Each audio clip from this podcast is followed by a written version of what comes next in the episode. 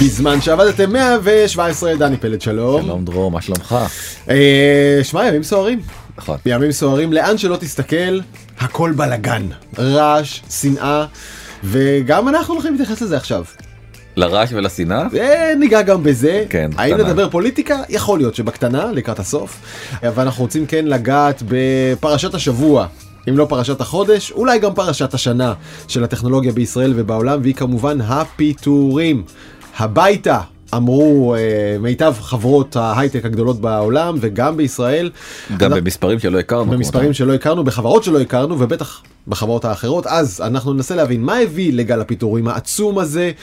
מי מפוטר, אילו עובדים הולכים הביתה, גם כאן יש הפתעות, נדבר על החמדנות שבבסיס הפיטורים האלה עכשיו, וכמובן גם שאר הסיבות, וננסה לקחת את זה גם לכאן לישראל, אפילו למחאת ההייטקיסטים, שאגב נכון לשעת ההקלטה שלנו, תכף מתחילה. נכון. אנחנו ננסה לגמור את הפרק עד שהיא...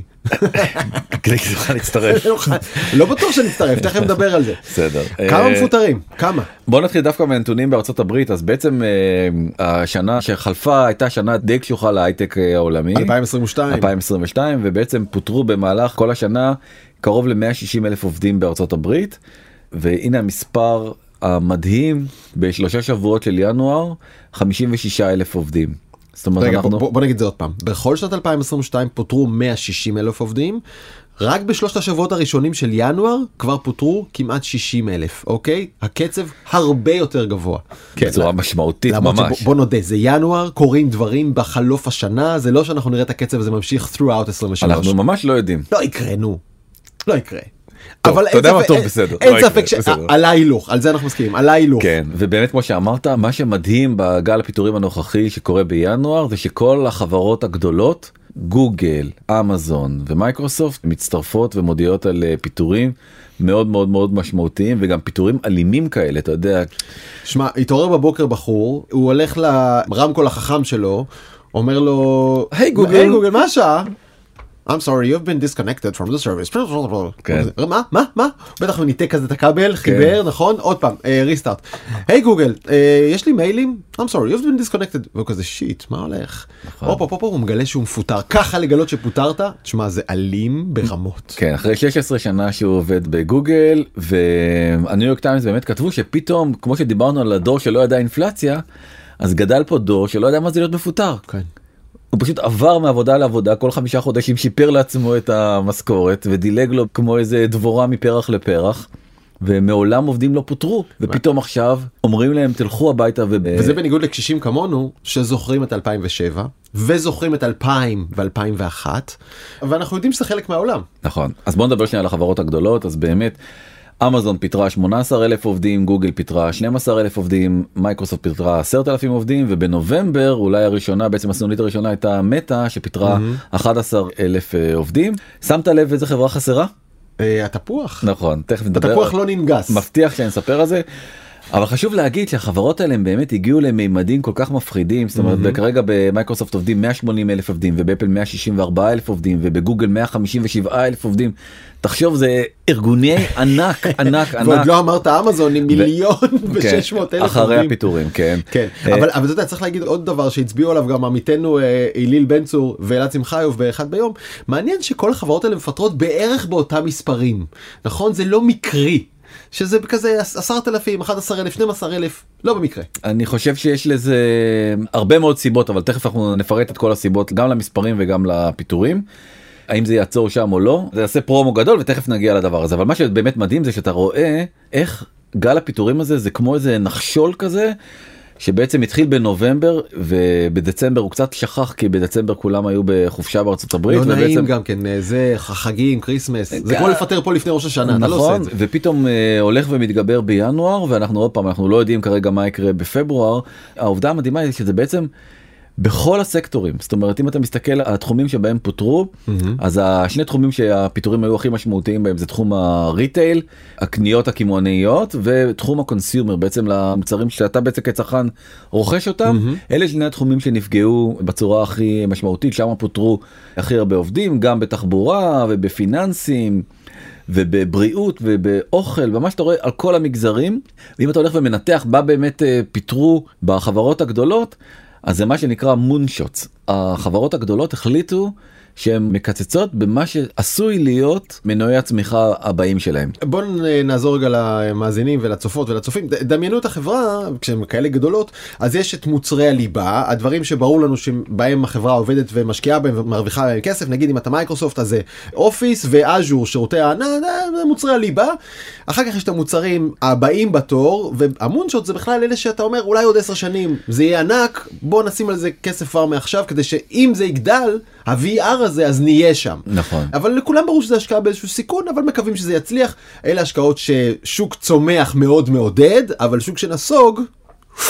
האוויר נשאב החוצה. זה די מדהים כי בסוף אתה יודע החברות האלה חייבות לדאוג כל הזמן למנועי הצמיחה שלהם זה תוצאה של כן זה של כי, עוד כמה שנים נכון כדי לשרוד mm-hmm. זה תוצאה של איתות של השוק ובאמת מייקרוסופט מחסלת uh, קבוצות שלמות בעיקר סביב drum roll VR ו mixed reality שזה בעצם אה, AR כזה עם VR בתוכו וכן הלאה וכן הלאה. אני מודה שטיפונת כואב לי הלב כי אני מעולם לא שמתי הולולנס על הראש את הקסדת מציאות מדומה של מייקרוסופט אבל כל הסרטונים שיש בווב כבר כמה שנים הם הכי יפים שיש.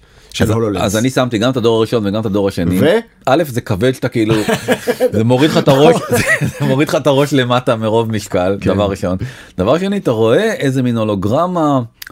די מטושטשת כי זה לא באמת וואלה, רואים את זה לא מספיק לא. זה, זה לא כמו היוטיוב היפה שראיתי לא, זה בכלל לא. אתה יודע זה מזכיר לי עכשיו שהתברר שהסרטונים של אה, טסלה ב2016 שנוהגת עצמה כן. הם היו ערוכים לא רק הם היו ערוכים זה כנראה ישב שם איזה גמד מתחת לפדלים אה, כן, ולחץ על הגז ועל הברקס. שמע הוא רמאי בן רמאי אה, אילון מאסק כזה עוד נשוב אליו טוב נדבר על זה בהזדמנות אחרת. בקיצור סוגרים את כל הדבר הזה. להגיד לך שמחיתי דמעה? לא אני חייב לא, להודות אוקיי. לא. גוגל סוגרים שני תחומים חטיבה אחת זה חטיבת אה, פוקסיה שבעצם מייצרת גוונים של ורוד למשל בין השאר וגם מערכות הפעלה לכל הסמארט הום. אז מה זה אומר שלא יהיה סמארטום? לא אבל מה זאת אומרת אתה יודע כל הרמקולים החכמים של גוגל לא, לא ימותו עכשיו. יש פה סימן שאלה גדול? לגבי כן תכף נדבר על זה וגם סוגרת את אריה 120 mm-hmm. אינקובטור לרעיונות חדשים. כן. תגיד אותי אני טועה שם גם מפותח הניסיון של גוגל אה, לייצר חיי נצח זה זה? שם לפתור בדיוק. את זה. כן, אבל אה, כן גוגל ניסתה להתמודד עם הזקנה ולהבטיח חיי נצח וזה מונשוט קלאסי. כן. זה האם אמא של המונשוט כן? כן אז זה באריה 120 ושם בעצם הם סוגרים את כל ה... עתיד לא עזבו עזבו עזבו. יש מניה עזבו אתכם. מה שחשוב זה נראה לך שזה יעבוד. ונחזור למה ששאלת כי זו שאלה מאוד מאוד טובה. אמזון הקיצוץ הכי משמעותי הוא בחטיבת אלקסה. שזה מוצר מוצר. שזה מוצר מוצר. מוצר ליבה מוצר עובד. כן. זה לא שום מונשוט ושום נעליים. Uh, לבן שלי היה לפני uh, שבוע יום הולדת mm-hmm. וקניתי לו שעון מעורר של uh, אלקסה. Mm-hmm. אין מאושר ממנו אתה יודע כן. הוא, הוא מבקש ממנה מוזיקה הוא שומע מוזיקה לפני שהוא הולך לישון ושואל אותה מה השעה ומה התחזית וכל מיני כאלה דברים מוצר מגניב מאוד אה, הם כנראה לא עושים שם מספיק כסף אתה יודע וזה מתחבר חזרה למה ששאלת על גוגל כי זו אותה חטיבה בשתי חברות שונות. אז כנראה שהרמקולים החכמים האלה שכולם צפו שזה הולך להיות הדבר הכי גדול בעולם כנראה שהוא לא כזה דבר גדול. עוד פרויקט מאוד מאוד מוזר וגם כן סרט משונה ביותר שאמזון שחררה של אה, אנשים יוצאים לקדם אתה יודע באיזה בית בספר כן. ומנפנפים לדרון שבא ויורד ומביא להם אה, חבילה אה. הביתה אז גם הפרויקט הזה כרגע מקוצץ בצורה משלוחי רחפנים. כן משלוחי רחפנים. מעניין גם גוגל עושה את זה ואני לא שמעתי קיצוצים שם. עוד שנייה על הרמקולים ייתכן שהקיצוץ שם לא נובע מזה שזה לא כזה מוצלח אלא זה שהם התנפחו יותר מדי ואפשר להמשיך לתפעל את זה בהצלחה גם עם לא כזאת כמות של אנשים. תכף נדבר גם על האופציה הזאת. הכל יכול להיות. עדיין אתה מצפה שבתחומים שבהם יש צמיחה יהיו פחות קיצוצים נכון, נכון? גם אם מה שאתה אומר זה נכון וזה נכון בטוח עדיין באותה חטיבה יצטרכו לקלוט עוד אנשים נכון mm. כי היא צומחת אז כנראה שצומחת היא לא ושים לב וזה הכל סביב הרדוור אני לא יודע מה זה כזה כחוט השני בין כל החברות האלה mm-hmm. אז גם מטא בעצם מחסלת את הפורטל שלה שניסה להתחרות באלקסה עם המסך mm, ועוד לא ראיתי אף אחד שיש לו את זה. דווקא מישהו סיפר לי שהוא קנה את זה וזה אחלה מוצר לא זוכר מי לא, אני לא ראיתי אבל כאילו אוקיי. אתה יודע אין לך עם מי לדבר כי לאף כן. אחד אחר אין את זה אתה צריך כאילו שהרי גם הצד השני יהיה לו את הפורטל הזה והשאלה הגדולה באמת זה למה דווקא עכשיו אז כן. באמת התשובה המתבקשת זה שכאילו נגמרה הקורונה כולנו קנינו מלא מלא מלא מלא ציוד הביתה והשתמשנו בשירותים של כל חברות ה big tech בטירוף ופשוט ראית את הצמיחה המשוגעת במניות של כל אחת מהחברות האלה. אז בעצם אפל צמחה ב-2020 ב-81 אחוז ואחרי זה ב-21 ב-34 אחוז ומייקרוסופט ב-41 אחוז ב-2020 ו-51 אחוז וכן הלאה וכן הלאה. רגע, בוא נסביר את זה לאנשים מהבית שלהם. הייתם בבית עבדתם בבית למדתם בבית בטוח קניתם עוד איזה מחשב או עוד טאבלט כלומר עוד מוצר של אפל או של דל או של HP עליו יש מערכת הפעלה כנראה של מייקרוסופט. אתם השתמשתם יותר בשירותי קניות של אמזון כי אתם בבית נכון? או של לא משנה של מי אבל קניתם יותר הביתה לכן פרסמו לכם יותר דרך גוגל ופייסבוק כל החברות הרוויחו מזה שישבנו בבית. והייתה איזושהי אמונה ודיברנו עליה כבר כאן שהאורח חיים הדיגיטלי הזה הוא כאן להישאר אז הוא לא נגמר הקורונה אנשים רוצים לחזור לרחוב כבר לא צריך את כל המחשבים האלה את כל הקניות האלה לא כל כך הרבה ואת נכון. כל הפרסום הזה וכל הדברים האלה נפגעים. ואתה רואה את הגידול המטורף בכל החברות גוגל גדלה מ-118 עובדים ב-2019 ל-186 אלף עובדים ב-2022 ואמזון מ-798 עובדים ב-2019 לכמעט מיליון 600 ב-2022 פשוט כל אחת מהחברות הכפילה זה מטורף. זה מטורף. הכפילה את גודלה. הכפילה- גדלה מ-45 אלף ל-87 אלף. ואתה יודע, אתה רואה כאן עליות של 40 אלף איש, 70 אלף איש, 800 אלף איש כן. באמזון. אז פיתרו עכשיו 10,000. בואנה, הם עדיין הרבה יותר גדולים ממה שהיו לפני שנה ולפני שנתיים. נכון. זה פסיק. זה לא כל כך פסיק ובגלל זה אני אומר לא בטוח שהדבר הזה ירצה את המשקיעים זאת אומרת, בטוח הוא לא מרצה חלק מהמשקיעים תכף נדבר על זה. מה שקרה שב-2022 וזה בעצם אולי הסיבה המשמעותית ביותר אתה רואה התרסקות של כל המניות של החברות.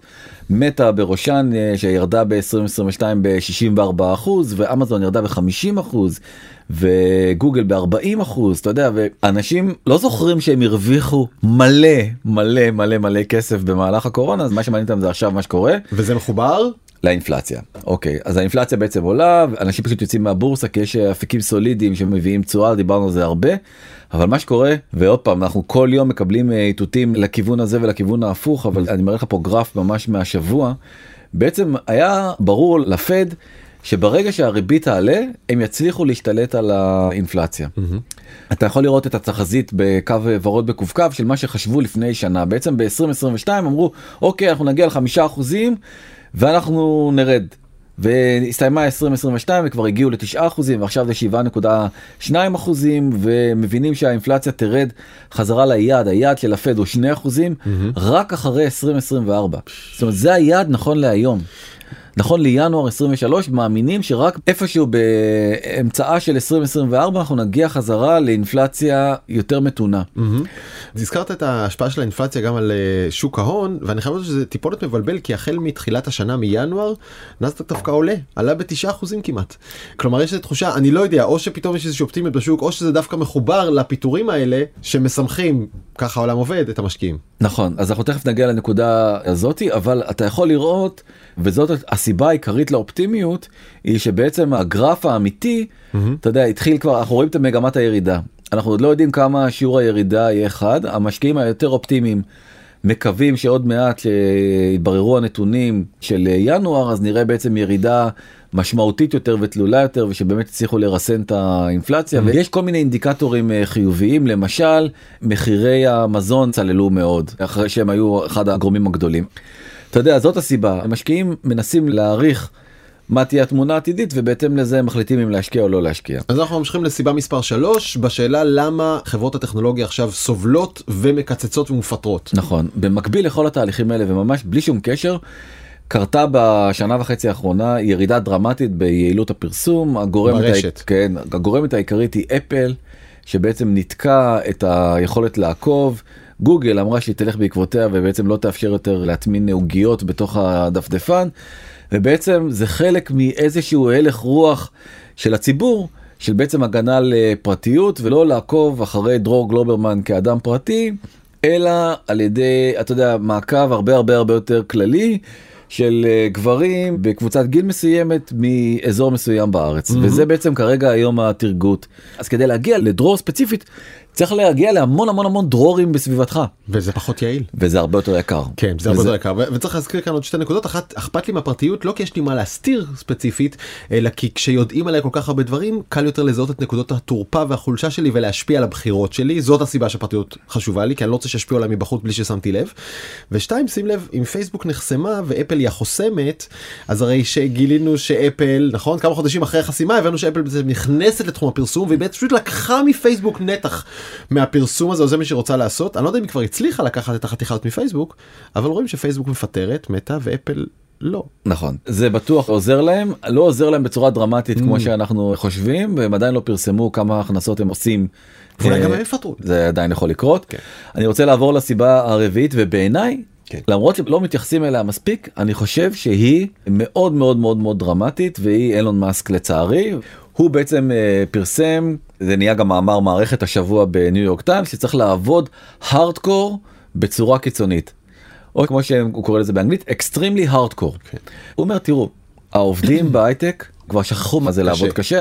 הצגנו את הגרף הזה פעם בעבר ואנחנו רואים ששנה אחרי שנה הפריון לעובד הייטק בודד הולך וצולל. מפונקים נמאסתם. בדיוק זה מתחבר גם באמת למה שנועם ברדין שהודיע שהוא עוזב את ווייז אחרי שבעצם היא מוזגה לתוך גוגל עם אז- מכתב זועם, עם מכתב זוהם אז הוא אמר it's a beast with spoiled employees.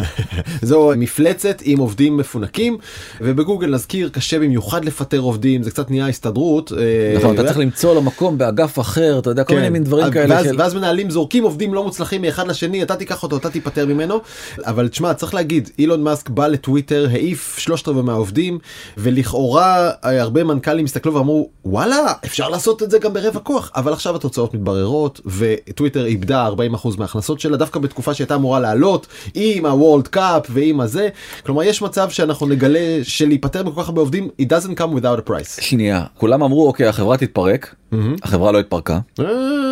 לא רגע שנייה אני, מבחינת המוצר אני מתכוון. רגע כן. שנייה. הקיטון בפרסום הוא תוצאה של האופי המוגזם והמוחצן של אילון מאסק. מה נייקי אומרת לעצמה "אה, הוא מעצבן אותי האיש הזה לא נשים שם הודעות? הוא אומר אני עכשיו הולך לאפשר לכל מיני אנשים קיצוניים ואנטישמים לחזור חזרה לפלטפורמה נייקי אומרת אני לא רוצה להיות חלק זה מהדבר לא הזה. האישיות שלו זה החלטות ניהוליות שהאישיות שלו הניעה. לזה אבל- אני מתכוון אוקיי. וזה לא קשור לזה שהפלטפורמה מבחינה טכנולוגית הצליחה לעבוד עם 50% מכוח אבל אתה האדם. גם שומע את העדויות האלה מבפנים שאנשים אומרים טוב אוטוטו יהיו כל כך הרבה גליצ'ים שלא נוכל לטפל בהם. אבל זה לא קורה בינתיים אתה מבין אוקיי. ומסתכלים על זה כל המשקיעים של הבורד באמזון אומרים, אולי 800 אלף זה מספיק למה צריך מיליון 600 אני אומר לך זו שאלה שאין לי. לא אין לי ספק אני משוכנע במאה אחוזים לא ב-99 אחוזים שבכל דירקטוריון של חברה כן. לא משנה אם היא גדולה או קטנה אומרים אתם צריכים באמת את כל את העובדים האנשים האלה. אה, תשמע אני גם זוכר את השיחות שעשינו כאן במהלך הקורונה וזה על איך העובדים בעיקר הצעירים נהיו אפשר לקרוא לזה מפונקים אפשר להיות לזה מודעים יותר לבלנס בין חיים ועבודה אומרים סליחה שנייה אני לא נולדתי כדי לעבוד אני לא מבזבז כל החיים שלי בעבודה אז לא בטוח שיש כל כך הרבה אנשים שמוכנים to sign in למה שאילון מאסק קורא extremely hardcore. זה תוצאה של אה, ביקושים אדירים לכוח אדם ברגע שהביקושים האלה יפחתו הופה. פתאום תראה המפונקים התעוררו. כן אוקיי. שהמפונקים הם לא כאלה מפונקים ושהכל בסדר. וזה באמת מוביל אותי לנקודה אולי הכי משמעותית וזה שהמשקיעים פשוט מיואשים מהמצב הם רואים מה קורה להשקעות שלהם שהן הולכות וצונחות ותראה ביום שגוגל פרסמה שהיא מפטרת את העובדים בום מניית גוגל קפצה במעל חמישה אחוזים. מסרו את ההודעה המניה זינקה זאת אומרת כן. הקשר הוא ממש חד ערכי. אחד המשקיעים האקטיביסטים שאפילו הומלך כסר על ידי המלכה אליזבת כל כך התאכזב מהפיטורים כן, האלה בגוגל אמר זה לא הון." בסדר אבל כן. מה לא בסדר מעט מדי. מעט מדי למה רק 12,000 צריך עוד 28 אלף לפחות זה מה שהוא אומר צריך עוד 28 אלף לפחות. והחברה יכולה להיות הרבה הרבה הרבה יותר יעילה אתם לא הולכים מספיק רחוק וזה מתחבר לחמישה שישה אחוזים כן. שבאמת אה, הוזכרו באחד ביום זה באמת לכל חברה לא משנה מה באיזה תחום זה מכה קלה בכנף. כן. זה לא באמת אף אחד לא נפגע בצורה דרמטית מהדבר הזה זה אבל יש בזה איזה משהו אתה מבין של ליישר קו עם השוק. כולם עושים אז גם אנחנו שאני מודה שאני כבר לא מבין מדוע זו יותר מנהיגות אתה מבין? מנהיגות זה להראות שאתה מיישר קו עם כולם? מה המנהיגות פה? מנהיגות זה להבין שאתה בעצם צריך לנווט בין לשמור על המורל הגבוה בחברה בקרב העובדים שלך mm-hmm. לבין לרצות את הדירקטוריון וזה כן. מנהיג אמיתי ומנהיג אמיתי שרואה שכל המנהיגים מסביבו או כל המנכ"לים מסביבו עכשיו נוטים יותר לכיוון של לרצות את הבורד שלהם mm-hmm. ומבין שהלחץ הזה יהיה עליו מבין שזאת פשרה שהוא צריך להקריב. עכשיו צריך להזכיר כל החברות האלה הם עדיין רווחיות מאוד גם אחרי הירידות כולם רווחיות מאוד אה, אז כל הסיפור זה להוריד את התוצאות ולהעלות עוד את הרווחים שזה באמת משחק משחק של משקיעים משחק של כסף ראיתי את הטרוניה הזאתי בטיק טוק איזה מישהו מתלוננת על אותו סיר כריסטופר הון שהוא קורא לפטר עוד עובדים והוא אישית הרוויח 690 מיליון דולר ב2022 ועכשיו הוא עוד מיילל של אנשים אחרים יש פרנסה גם אותם צריך לפטר זה נכון שזה מרגיש כמו גרידיות מוגזמת. תקשיב המשקיעים אין חמדנים מהם וכל כן. למי שלא זוכר המקצוע של האיש הזה יושב כאן מולי זה משקיע כן? נכון. כן תמשיך. אני אתה יודע אני בקרב עמי אני יושב אני מודה ומתוודה. אבל מה שבא לי להגיד לכל האנשים. מודה ועוזב ירוחם לא אומרים גרידי גרידי גרידי כל האנשים שמתלוננים על אנשים כמוך שהם גרידים כן. כולל כריסטופר הון שאשכרה מתלוננים עליו ספציפית מה אתה קורא לפטר עוד אנשים בואנה הסיבה שקיבלתם כאלה משכורות יפות בגוגל בכלל מלכתחילה זה בגלל אנשים כאלה הסיבה שבכלל המשרות האלה קיימות הסיבה שהחברות האלה בכלל הוקמו הסיבה שיש לנו בכלל קדמה ויש לנו כאן מחשבים באולפן. זה בגלל משקיעים greedyים אז אם ידעתם לחגוג עליהם כל הדרך לקדמה ולכסף זה המחיר של זה. נכון. הגלגל מתהפך. אבל אני חושב שמה שקרה זה שבאמת בשנתיים האחרונות הרבה מאוד משקיעים קצת איבדו את הרסן. מה ב greedyות? בסוף אתה רואה כסף קל זה מסנוור mm-hmm. פעם ראשונה mm-hmm. פעם שנייה אתה שומע על סיפורי הצלחה באמת מנקרן מנקרי עיניים זה understatement של משקיעים אחרים ואתה אומר וואו איך זה יכול להיות שהוא ככה הגיע ופשוט אנשים ניסו לחתוך פינות ובאמת. דיברנו בתחילת השנה על אה, אלכס משינסקי מצלזיוס עם באמת אחת ההזיות הקשות של עולם הקריפטו. אני לא רוצה לקרוא לזה רמאות נכון? אבל אין לנו מילה אין לי מילה אחרת כן. זו מילה בסדר דווקא בעיניי. אוקיי. כן. וסם בנקמן פריד שגם כן לא נעים להגיד עליו רמאי אבל אה, כן שודד נוכל כן. והנה צצה וצצה לה השבוע עוד מישהי אה, חדשה צ'רלי ג'וויס שמה היא עשתה? הבחורה המאוד מאוד מוכשרת הזאתי הסטארט-אפ שצ'רלי ג'וויס המציאה נועד להסיר נכון את, את האבן נגף להסיר את האבן נגף בפני הדרך אל התואר אחלה מיזם נכון. אוקיי. אז בעצם יש uh, בארצות הברית אם אתה רוצה לקבל uh, הלוואה מהמדינה אתה צריך mm-hmm. להגיש איזה טופס שנקרא FAFSA. free application for federal משהו okay, כן, free application for uh, student aid אוקיי okay. okay, סבבה. אני מכיר את זה שאתה נוסע לארצות הברית ואז כאילו מתחילים לשאול לך הבאת איתך חלזונות הבאת איתך גרעינים של אבטיח כן, בכיס, הבאת איתך זה, אתה מכיר, כן. ואתה כאילו אומר די נו אני בסך הכל רוצה לראות את הפסל החירות, מה חלזונות עכשיו? יש לך גידולים בכיס. נכון, ואז אתה כאילו ממלא טפסים, כאילו הטפסים, אתה אומר, אז כנראה שלעשות, לקבל את ה aid הזה זה טופס הרבה הרבה יותר אה, רצחני, אז אני אעזור לכם למלא את הטופס הזה בשבע דקות. שבע דקות ויש לכם טופס כזה מוכן ואני אתן לכם אותו בחינם. כדי לקבל את הסיוע הממשלתי האמריקאי כן. שאתה אמור לקבל. כי אני כזה בן אדם טוב והיא נבחרה ל-30 under 30 רשימה יוקרתית של פורבס uh, mm-hmm. ראו את זה ג'יי פי מורגן ואמרו וואו זה מדהים. קנו אותה בעצם ב-175 מיליון דולר את החברה mm-hmm. והסיבה היא שבעצם ג'יי פי מורגן שזה הבנק הכי גדול בארצות הברית אמר אנחנו נורא נורא חלשים בקהל של הסטודנטים אז ככה בעצם אנחנו נוכל להציע עוד כל מיני שירותים פיננסיים לאותם, לאותם אנשים לאותם... כי יש אה, כאן client base יש כאן בסיס לקוחות נהדר עתידי ואם אתם מבינים שאנחנו שמים אותה באותה רשימה התחלנו את הרשימה הזאת עם אלכס משינסקי מצלזיוס שקרסה עם כספי משקיעים והמשכנו אותה עם סם בנקמן פריד שקרסה החברה שלו אחרי שהיא ניהלה את הכסף של האנשים שלה בצורה שערורייתית ומזעזעת אז אם גם היא ברשימה הזאת. יפה. שבוע שעבר הם סגרו את האתר פרנק שזה mm-hmm. בעצם האתר שהיא הקימה. תבעו את גברת ג'אביס הזאתי ואומרים תקשיבי את פשוט רימית אותנו.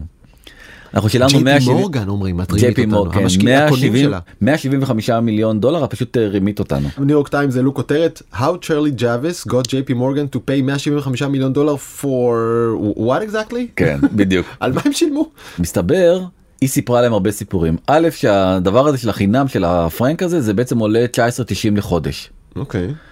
עכשיו אתה יכול לקבל את המוצר הזה בחינם okay. כן. אבל אם אתה רוצה לקבל עזרה כאילו למלא את הטופס הזה בצורה יותר אוטומטית אז זה עליך 19.90 זה לא מה שהיא אמרה באתר. אבל לא בגלל זה הם uh, כועסים, אני רק מספר לך כאילו מה כתוב בכתבה מסתבר שכאילו זה רמאות על רמאות על רמאות על רמאות אז זה בעצם הדבר הראשון. על הדבר הזה אמרו לה מה-FTC תקשיב את מרמה פה את הסטודנטים אל תשתמשי בשם שלנו של הפאפסה הזה אסור לך להשתמש בדבר הזה את כאילו מספרת שאת תן משהו בחינם ואת לא נותנת אותו בחינם תיזהרי את הולכת להסתבך עם ממשלת ארצות הברית. אז היא הסירה את הדבר הזה mm-hmm. אבל עדיין המשיכה לאסוף כסף מסטודנטים. ומה הייתה התרמית הגדולה באמת בסופו של דבר היא זייפה ארבעה וחצי מיליון חשבונות של אנשים. היא יצרה דמויות פיקטיביות בוטים של סטודנטים שלא היו קיימים ואמרה לג'יי מורגן. הנה הרשימה שלהם הנה זה עכשיו היא ביקשה מאנשים בתוך החברה שהיא גם פיטרה אחד מהם הוא היה ישראלי קוראים לו עמוס. עדי עומסי. ופה בבית המשפט בתל אביב הגיע איתו לאיזשהו הסדר פשרה. הסתכסכה לפני זה עם מי שהיה לפניו ופיטרה אותו גם כן ונישלה אותו מהאחוזים אבל mm-hmm. היא כנראה דמות מאוד מאוד מאוד מאוד בעייתית. כן. ומה שהיא בעצם uh, סיפרה להם נתנה להם את הכתובות לג'יי פי מורגן. ג'יי פי מורגן אמרה להם בבקשה אתם מוזמנים לנסות וליצור קשר עם הלקוחות האלה ולהציע להם עכשיו הלוואות חדשות וכל מיני כאלה דברים. ג'יי פי מורגן שמחו לקחו את הרשימה שלחו מיילים ואף אחד לא עונה. אף אחד לא עונה. Oh my god. עכשיו אמרו רגע אולי לא כתבנו טוב את המייל בוא בוא ננסה. הייתי שם את המייל שלו איך הלך אה, ג'וזף סמית כן, את כן בדיוק או אולי לא היינו מנומסים מספיק אז בוא ננסה אולי המייל לא היה המייל לא היה מספיק ברור. כן לא היה ברור אולי טעות באנגלית זה לא. הלך לספאם שלחו עוד פעם ועוד פעם ועוד פעם ואף אחד לא עונה. צרצרים. שנייה אחורה ג'יי פי מורגן הבנק הגדול קנה את החברה הזאת בעיקר בגלל שהייתה מחוברת לפי טענתה לארבעה מיליון סטודנטים והוא קיווה להפוך חלק מהם למשתמשים שלו ואף אחד לא עונה. כן. ואז מסתבר שהם בוטים הם לא קיימים באמת. הם לא קיימים באמת ועכשיו יש תביעה גדולה נגדה ויש פה קשר ישראלי הדוק מאוד כי בעצם המשקיע הראשון בחברה הזאת היה לא אחר ממייקל אייזנברג מקרן א' הישראלית. עוד פעם בעיתונות המקומית הישראלית שכותבים הרבה על הדבר הזה הוא מסרב להגיב על הסיפור הזה. אתה יודע הוא היה דירקטור בחברה זה סיפור מאוד מאוד מאוד מאוד קשוח. ג'יימי דיימון המנכ"ל האגדי של אה, ג'יי פי מורגן אמר עשינו פשוט טעות ענקית. אבל זה אני חוזר חזרה לאותה נקודה זו אותה גרידיות של משקיעים.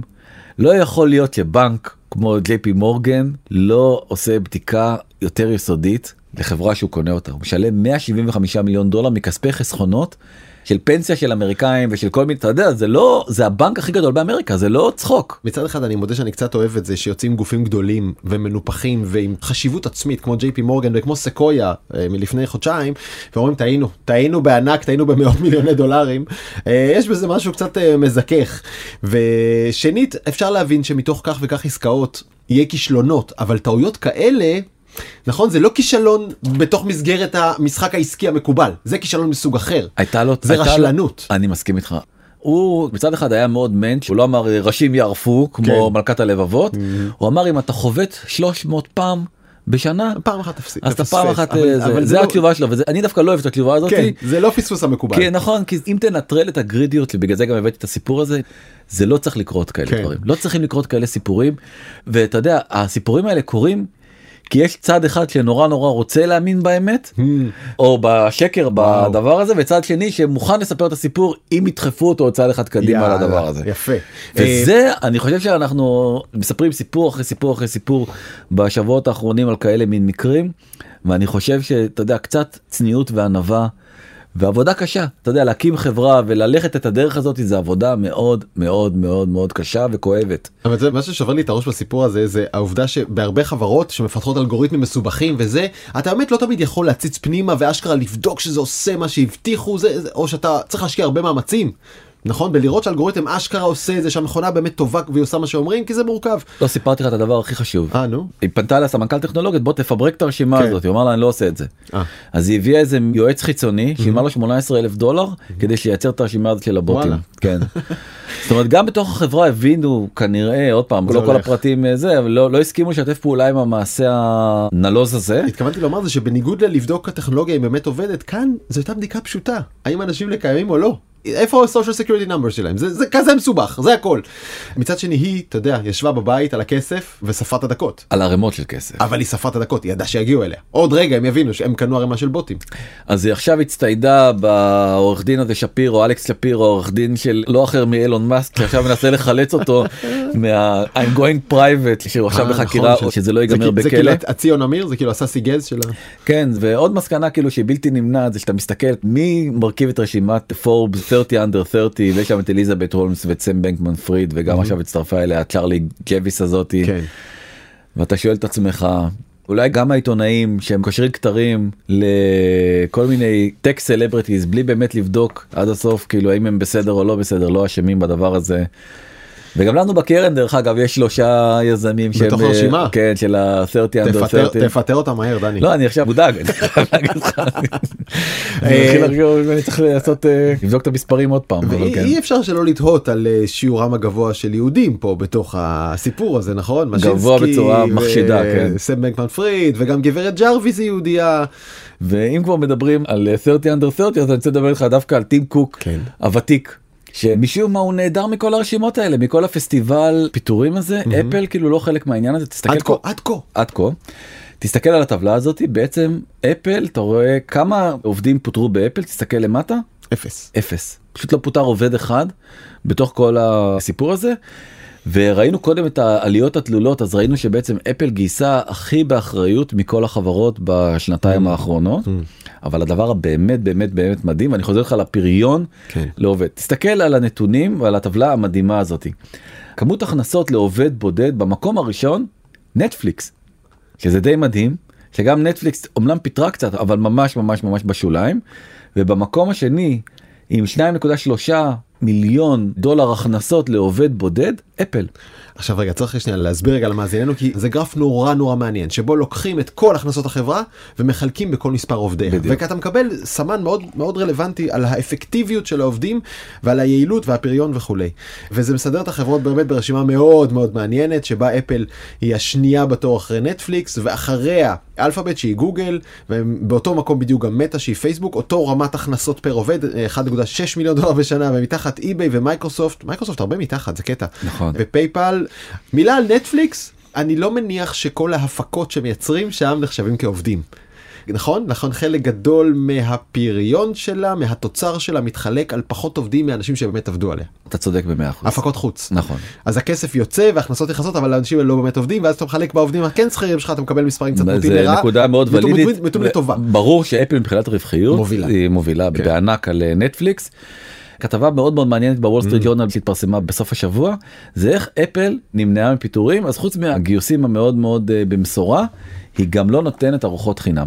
אה, מילולית היא לא נותנת את האוכל בצהריים בחינם לשנינו יצא להיות ב... בקמפוס של אפל. בקמפוס של אפל בהרצליה מאוד מאוד יפה שם וארוחת הצהריים היא בתשלום.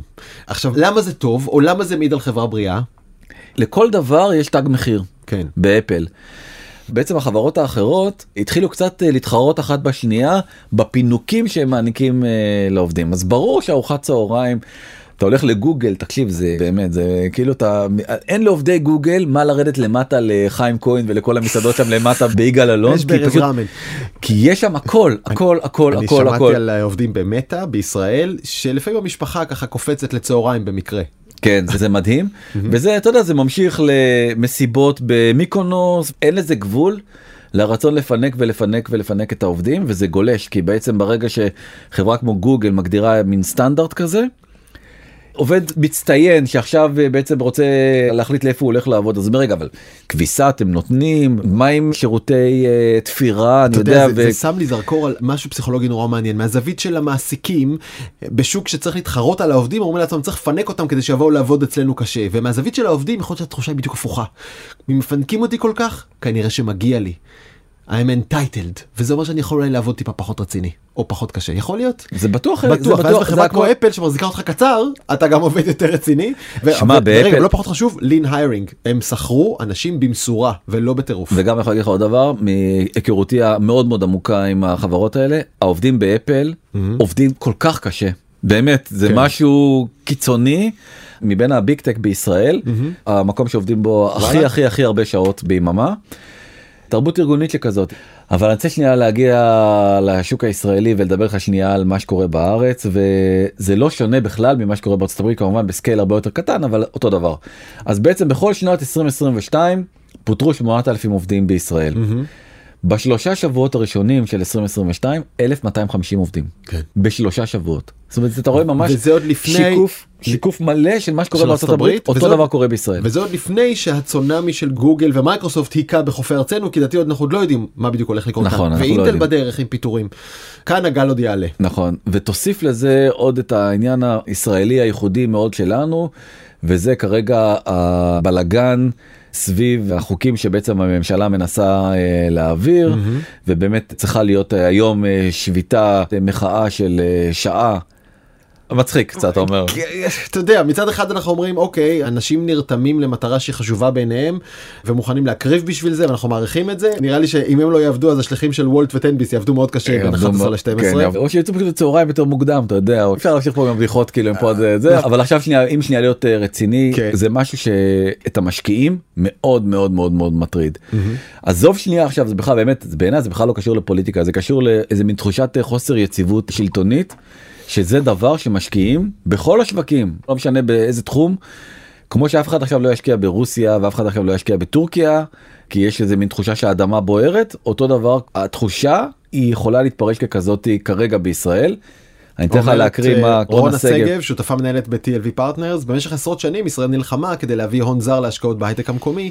פגיעה בדמוקרטיה תעלה את רמת הסיכון של ההשקעות הזרות בישראל ותפגע משמעותית ביכולת שלנו למשוך משקיעים זרים. עכשיו צריך להבין אנחנו לא מדברים על סוגיה ערכית זה לא שלמשקיעים הזרים אכפת בדיוק איפה אנחנו נמצאים על הסקאלה הם חושבים על הכסף שלהם. ובמקום שבו החלטות מתקבלות קיצוניות מהר ובפזיזות לפי שיקול דעתם זה פשוט מקום מסוכן לכסף. תראה מה קרה בהונגריה אני ראיתי דיווחים על זה שפתאום בהונגריה הוסיפו מס על חברות שמרוויחות יפה, מס יתר, כי האיחוד האירופי משך את התמיכה שלו, אז ההונגרים אומרים יאללה, יש פה חברות שמרוויחות, תביאו כסף. זה הדבר האחרון שמשקיע רוצה לשמוע בחיים.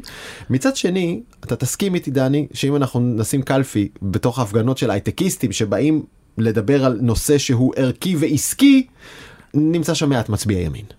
יש פה גם סוגיה פוליטית כן, שמתחבאת בפנים, חד משמעית. אני לא בטוח. אתה לא בטוח? לא, אין לי מושג מהן דעותיה של אה, רונה שגב ושל הרבה לא מאוד. נדבר על רונה אישית, אני, אני חושב שבמידה מסוימת חלק מהמחאה הזאת היא גם מקפלת בתוכה מחאה נטו פוליטית והיא מסופרת בסיפור אחר שיכול להיות נכון אבל היא מסופרת בסיפור אחר. אז אה, אז בבקשה אתה יודע הייתה כזאת תהייה אם באמת זה ככה או לא ככה וקרן Insight Partners אחת הקרנות הגדולות והחשובות למשק הישראלי קרן של 20 מיליארד דולר כן. שמשקיעה בהרבה מאוד אה, חברות ישראליות גם אה, מושקעת בשתי חברות פורטפוליו שלנו בקרן הם יצאו בידיעה מטעמם מאוד מאוד מאוד מאוד לא שגרתית שהם מגנים כל ניסיון לרמוס חירויות אישיות גם כן אני לא בישראל. בישראל כן. אני אומר החוסר יציבות הזאתי והתחושה שהם שומעים על כל מיני אה, עובדים שלהם לא משנה אם הם בעד או נגד יוצאים להפגנות בעד החוק או נגד החוק אין לזה שום עניין כאילו פוליטי זה העניין של החוסר יציבות. חוסר יציבות מביא איתו עצבנות בשווקים עצבנות בשווקים מביאה ליציאה של משקיעים וחיפוש של אלטרנטיבות יותר בטוחות. זה אתה, הכל. אתה מסכים אבל שהטאלנט הישראלי ביכולת לחדש ולפתח בעיקר בתחומים ספציפיים הוא לא יושפע מזה. הוא עדיין יהיה כאן, לא, עדיין אבל- ימשוך משקיעים גם אם שיטת המשטר תשתנה אני לחלוטין. ממש לא מסכים איתך זה בדיוק העניין כי בסוף ההייטק הישראלי זקוק מאוד להון הזר. כל הקרנות בישראל הגדולות כולל אנחנו יש לנו משקיעים זרים. חלק מהכסף שאנחנו משקיעים אותו בהייטק הישראלי הוא כסף שמגיע מבחוץ אני חושב שזה בערך שני שליש או אפילו טיפה יותר מההשקעות בסך ההשקעות ב-2022 אני לא זוכר בדיוק את המספר זה כסף זר.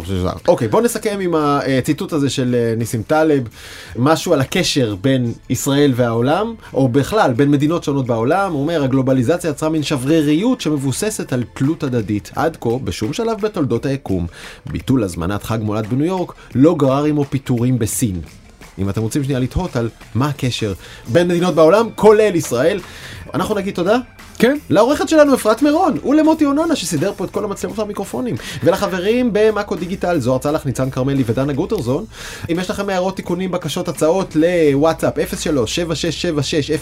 או למייל בזמן שטרודל קשת מקף טבעי דוט קום עד כאן עד כאן. יאללה ביי.